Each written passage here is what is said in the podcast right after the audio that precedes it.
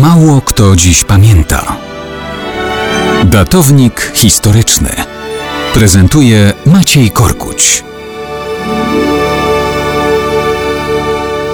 Mało kto dziś pamięta, że jutro będzie rocznica 20 listopada 423 roku. Wtedy to przyspiesza kariera rzymskiego urzędnika o imieniu Johannes, czyli Jan. Dzieje się to wszystko w kilka miesięcy po śmierci cesarza zachodu Honoriusza. Jan był wcześniej naczelnikiem sekretariatu u tegoż cesarza. Teraz rzymscy senatorowie i urzędnicy jego właśnie osadzają na tronie cesarskim zachodu. Wszystko ładnie, jednak na tę wieść wściekłość ogarnia cesarza wschodu Teodozjusza II, który liczył na to, że po śmierci Honoriusza przywróci jedność imperium pod własnymi skrzydłami. A tu niespodzianka. W nowych warunkach Teodozjusz zaczyna popierać przeciw Janowi Walentyniana, który, jak zaplanowano, zostanie mężem córki tegoż Teodozjusza, Eudoksji. To plan na przyszłość, bo Walentynian ma lat 5, a Eudoksja 2. Ale konkurencyjnym cesarzem już go obwołać można. I tak zrobiono. Janowi grunt zaczyna się palić pod nogami.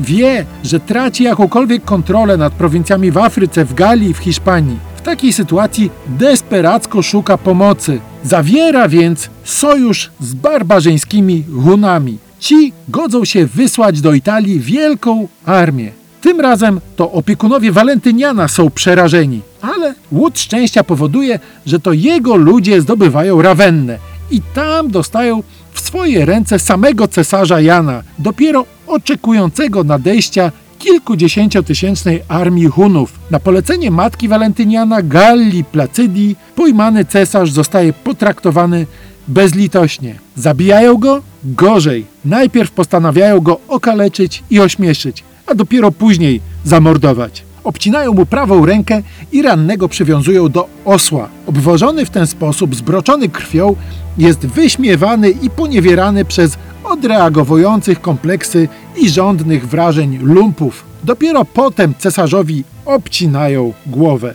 I tak się kończy zaledwie półtora roczne panowanie cesarza Johannesa. Szybki początek kariery, no i szybki upadek z samego szczytu.